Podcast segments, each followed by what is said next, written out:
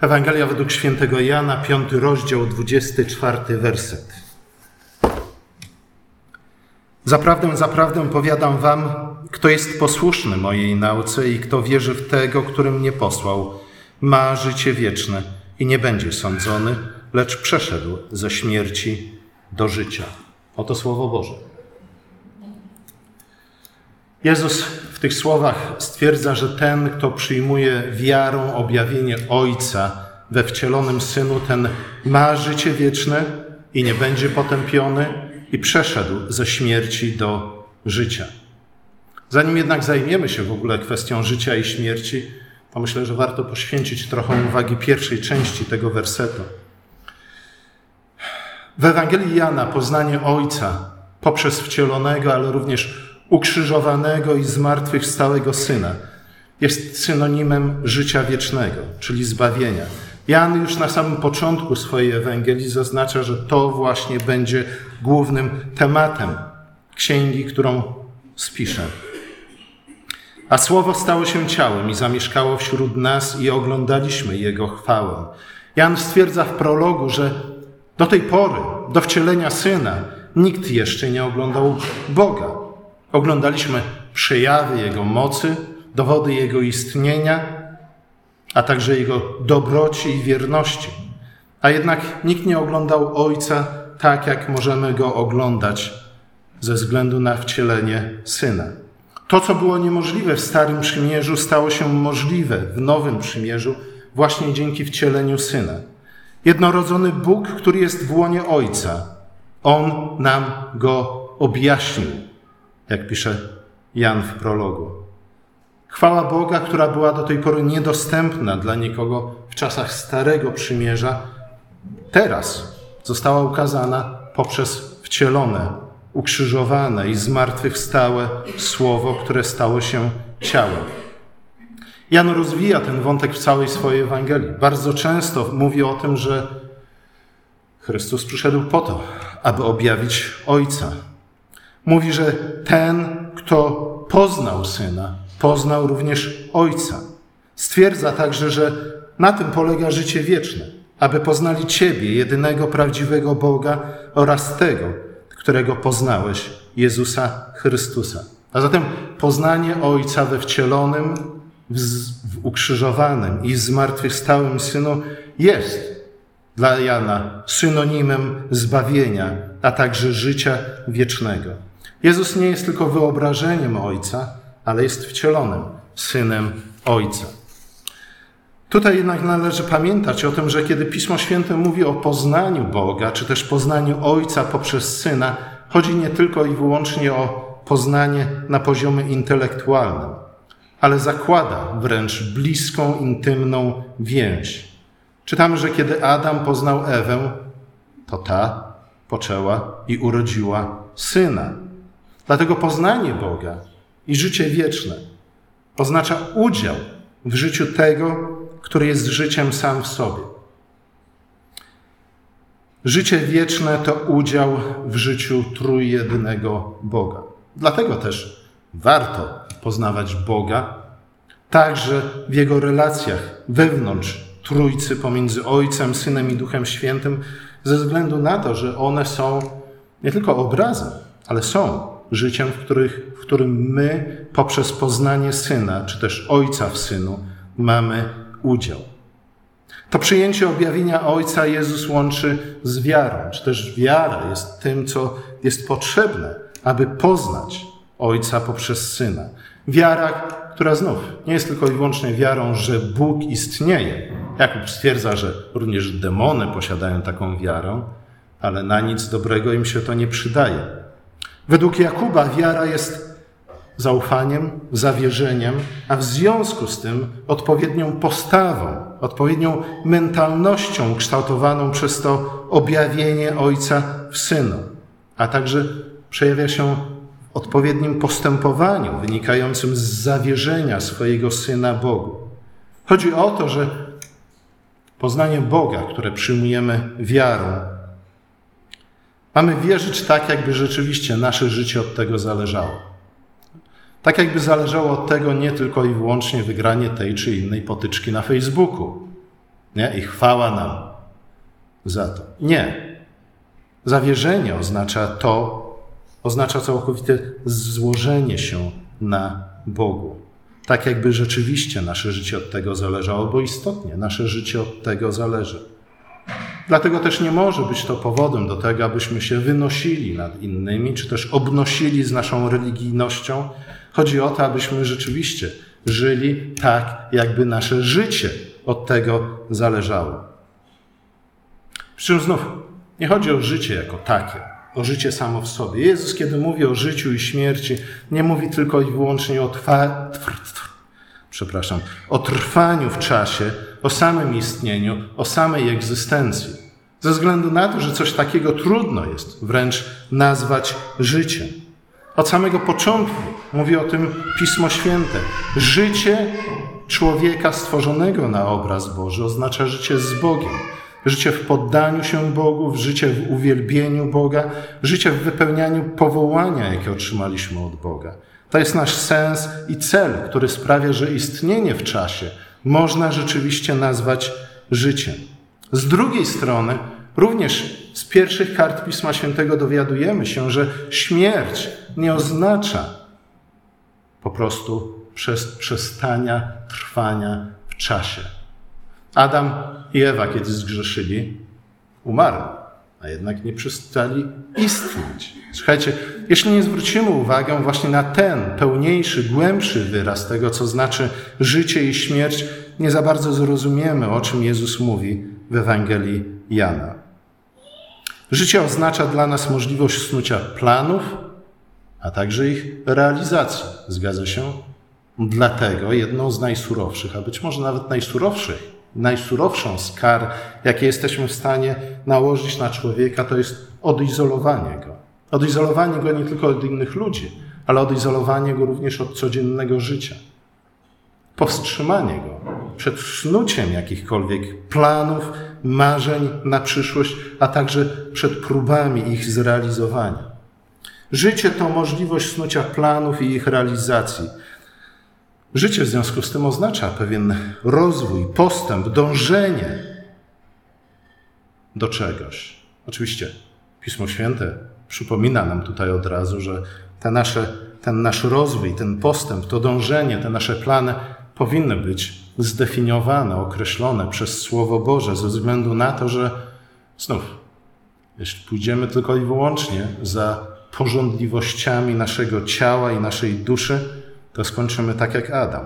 Być może nie przestaniemy istnieć, ale umrzemy w sensie duchowym. A ta śmierć jest o wiele gorsza niż śmierć cielesna. I tu następuje właśnie ta chyba najbardziej zaskakująca i być może niezrozumiała część wypowiedzi Jezusa, a mianowicie, że ten, kto zaufał Jego nauce, ten ma już w sobie życie wieczne i nie będzie sądzony, ale przeszedł ze śmierci do życia. Zaskakujące ze względu na to, że nawet Jezus po wypowiedzeniu tych słów przecież umarł. Wszyscy, których wskrzesił, umarli. My wszyscy umieramy. Do tej pory chyba było tylko dwóch ludzi w historii świata, którzy nie umarli, chociaż w pewnym sensie przeszli ze śmierci do życia. Być może niektórzy, ale zapewniam Was, nikt z Was i nikt z nas, nawet ja sam, e, przejdą ze śmierci do życia, kiedy Chrystus powtórnie powróci, to jednak nie stanie się za naszego życia, więc każdy z nas umrze tak czy tak. A zatem w słowach Jezusa nie może chodzić o to, że ten, kto wierzy w Jezusa, ten, kto zna cztery prawa duchowego życia, a może nawet ten, który nauczył się katechizmu heidelberskiego na pamięć, nigdy nie doświadczy śmierci. Jak najbardziej wszyscy doświadczymy śmierci. Katechizm heidelberski, udając się zresztą za Pawłem Świętym, mówi, że do Chrystusa należymy zarówno w życiu, jak i w umieraniu. Śmierć jest częścią naszego życia. I to śmierć w wielu swoich formach. Śmierć jest potrzebna do tego, aby życie w ogóle istniało. Oddajemy nasze życie po to, aby inni mogli żyć. Umieramy dla siebie po to, aby inni mogli się rozwijać. Może więc tę wypowiedź Jezusa należy interpretować w świetle takich fragmentów pisma, jak na przykład ten. Z powodu upadku jednego człowieka zapanowała śmierć. Tak czytamy w liście do Rzymian. I dalej w tym samym liście czytamy: Chrystus wskrzeszony z martwych już nie umiera, śmierć nad nim nie panuje. Właśnie to, począwszy od przypadku Adama i Ewy, każe nam rozumieć śmierć zdecydowanie szerzej niż tylko i wyłącznie jako koniec istnienia. Podobnie jak życie jest czymś więcej niż trwanie w czasie. Panowanie śmierci spowodowane upadkiem Adama oznaczała, że historia, przynajmniej jakiś czas, przestała zmierzać od ogrodu do miasta, że stworzenie i cała ludzkość były poddane rozkładowi i zniszczeniu. I gdyby nie interwencja Pana Boga, na przykład taka jak w czasie potopu, Ziemia powróciłaby do swojego pierwotnego kształtu, a raczej powinniśmy powiedzieć bez kształtu, do stanu pustki bezforemności spowitych mrokiem. Dokładnie w tych kategoriach prorok Izajasz, prorok Jeremiasz oznaczają skutki grzechu. Nie tylko w życiu ludzi, którzy popełniają grzechy, ale w życiu całych wspólnot, a także całego stworzenia. Grzech dokładnie do tego prowadzi, do rozkładu, do zniszczenia, do zepsucia. Moglibyśmy nazwać ten proces dekreacją, choć pewnie takie słowo nie istnieje, a zatem czymś odwrotnym do procesu stworzenia i uwielbienia stworzenia, czyli dojrzewania stworzenia do swojej pełni, do pełni, którą zamierzył dla niego Pan Bóg. Żeby lepiej to zrozumieć, powinniśmy przyjrzeć się nie tylko tym opisom, na przykład z proroka Izajasza i Jeremiasza, które opisują nam skutki grzechu w życiu nie tylko człowieka, ale całego stworzenia, ale także przyjrzeć się tym fragmentom, zwłaszcza z proroka Izajasza, bo u niego znajdujemy ich co najmniej kilka, które mówią nam o tym, jak ma wyglądać pełnia życia. I tak na przykład w 65 rozdziale Izajasza czytamy: Wtedy nie wspomni się już spraw minionych i nawet na myśl nie przyjdą, lecz radość i wesele zapanują na wieki z tego, co ja stworzę, mówi Pan. Bo to stworzę Jeruzalem, wesela i jego lud ku radości. Będę się cieszył z Jeruzalem i radował z mojego ludu. Nie będzie już w nim słuchać, słychać płaczu ani głosu lamentu. Nie będzie już tam niemowlęcia, które by nie żyło tylko kilka dni, ani starca, który by nie osiągnął pełni swoich dni, bo najmłodszy umrze jako stuletni, a kto stu lat nie osiągnie, będzie uchodził za dotkniętego przekleństwem. Pobudują domy i mieszkać w nich będą, założą winnice i spożywać będą ich plony. Nie będą budować, by ktoś inny mieszkał, ani sadzić winnic, by inny objadał bo trwanie mego ludu jako trwanie drzew i moi wybrani korzystać będą z dzieła swoich rąk. Nie będą się trudzić na darmo, ani też rodzić dla nagłej zagłady. Słuchajcie, jeśli to jest obraz pełni życia obiecanego nam przez Boga, pełni życia, w którym mamy udział już tu i teraz, poprzez wiarę w Ojca objawionego w Synu, to śmierć jest dokładnie przeciwieństwem tego, o czym mówi tutaj prorok. Śmierć jest trudem na darmo. Śmierć jest rodzeniem dla nagłej zagłady. Śmierć jest budowaniem tylko po to, aby ktoś inny zburzył to, co zbudujemy. Śmierć oznacza obiadanie naszej winnicy przez dzikusów. Słuchajcie, do tego ostatniego słowa z fragmentu Izajasza, nie będą się trudzić na darmo, ani też rodzić dla nagłej zagłady, nawiązuje apostoł Paweł w 15 rozdziale pierwszego listu do Koryntian. W tym rozdziale, w którym mówi nam nie tylko o zmartwychwstaniu Chrystusa, o tym, że nasza wiara bez zmartwychwstania byłaby próżna, na nic nieprzydatna i wręcz głupia, ale mówi również o tym, że właśnie ze względu na nowe życie, jakie mamy w zmartwychwstałym, nasz trud w Panu nie jest daremny. I słuchajcie, na tym właśnie polega zwycięstwo życia nad śmiercią. Nie na tym, że nigdy już nie dotknie nas śmierć, nie na tym, że nigdy już nie przestaniemy istnieć, ale na tym, że nasz trud nie jest daremny w Panu. Nie jest daremny, ponieważ śmierć na nim już nie panuje. Innymi słowy, śmierć nie sprawia, że wszelki nasz, nasz trud, wszelki nasz mozuł, mozuł, wszystkie nasze najlepsze sny i marzenia rozpadają się jak mgła na wietrze. Nie. Nie jest daremny, gdyż śmierć nie panuje. A więc nie panuje również nad tymi, którzy wierzą w tego, który go posłał. Śmierć nie pochłania już życia, pozbawiając je sensu i znaczenia. Śmierć od tej pory służy życiu. To oznacza, że ziarno, które umiera, nie niszczeje, ale wydaje obfity owoc. Słuchajcie, w pewnym sensie właśnie te słowa Jezusa na temat ziarna, które, nie, które umiera, ale nie niszczeje, gdyż wydaje obfity owoc, jest streszczeniem dzieła Chrystusa. Ono je, one są komentarzem i objaśnieniem tego, co Jezus ma na myśli, gdy mówi o tym, że ci, którzy zaufali objawieniu Ojca w Synu, przeszli ze śmierci do życia. Ale znów, należy pamiętać, dzięki czemu śmierć mogła zapanować w świecie, dzięki czemu śmierć mogła zapanować nad życiem po to, aby je zniszczyć. Paweł wskazuje tutaj na grzech Adama. Mówi, poprzez grzech Adama śmierć weszła na świat. Prorocy z kolei mówią o grzechach nas wszystkich, które sprowadzają śmierć, które dają śmierci fory, które sprawiają, że śmierć panuje nad życiem, a tak naprawdę niszczy wszelkie życie. Morderstwo, zdrada, oszczerstwo, nieprawość, nienawiść, porządliwość. Słuchajcie, to wszystko właśnie, to wszystko, o czym czytamy w drugiej tablicy dekalogu, jest tym, co sprawia, że śmierć góruje nad życiem. Co sprawia, że życie coraz bardziej przypomina piekło zamiast nieba. Za każdym razem, kiedy czynimy zło, za każdym razem, gdy grzeszymy, za każdym razem, gdy zwłaszcza z premedytacją i z pełną świadomością łamiemy jedno z przykazań Bożych, a zwłaszcza jedno z przykazań dekalogu, dokładnie to czynimy.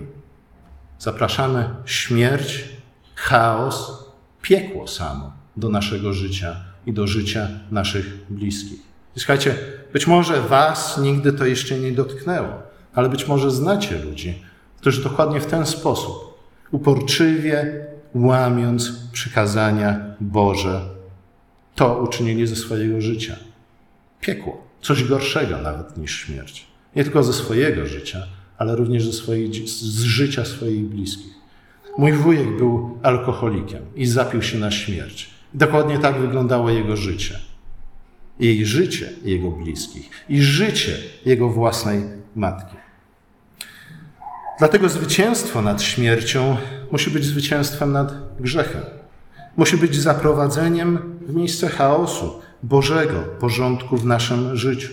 W pierwszej kolejności w moim życiu, a w drugiej kolejności wokół mnie, w tym świecie, który Bóg mi dał. Słuchajcie, na tym właśnie polega przejście ze śmierci do życia. Nie na staniu się niezniszczalnym, lecz na uwolnieniu się spod panowania grzechu i śmierci, do której nie należy już w naszym życiu ostateczne słowo. Dlatego już teraz, jeszcze przed śmiercią, jak mówi Jezus, możemy cieszyć się życiem wiecznym, pełnią życia. Życiem, które jest życiem w zmartwychwstałym Chrystusie. I z nadzieją, czyli wytrwale i niestrudzenie, możemy zmierzać ku przyszłości obiecanej nam poprzez proroków. Albowiem ja wiem, mówi Pan, jakie myśli mam o was. Myśli o pokoju, a nie myśli o niedoli, aby zgotować wam przyszłość i natchnąć nadzieję. I znowu, jeśli chcemy pozbawić się przyszłości, jeśli poz chcemy pozbawić się wszelkiej prawdziwej nadziei, to jest bardzo prosty sposób na to. Zaprośmy grzech, zaprośmy diabła, zaprośmy śmierć do naszego życia, aby nad nim panowało. Ale w Chrystusie, ze względu właśnie na to, że On jest wcielonym synem Ojca, który nie tylko stał się jednym z nas, nie tylko jest Bogiem z nami, nie tylko umarł za nas, ale także pokonał śmierć i grzech dla nas i zmartwychwstał w nim. Możemy już teraz cieszyć się nowym życiem. Nie w pełni, nie do końca, wciąż wiele na nas czeka. Paweł mówi: Słuchajcie, w pewnym sensie nie jesteśmy w stanie sobie nawet wyobrazić tego, co nas czeka. Niemniej jednak już teraz mamy udział w życiu wiecznym.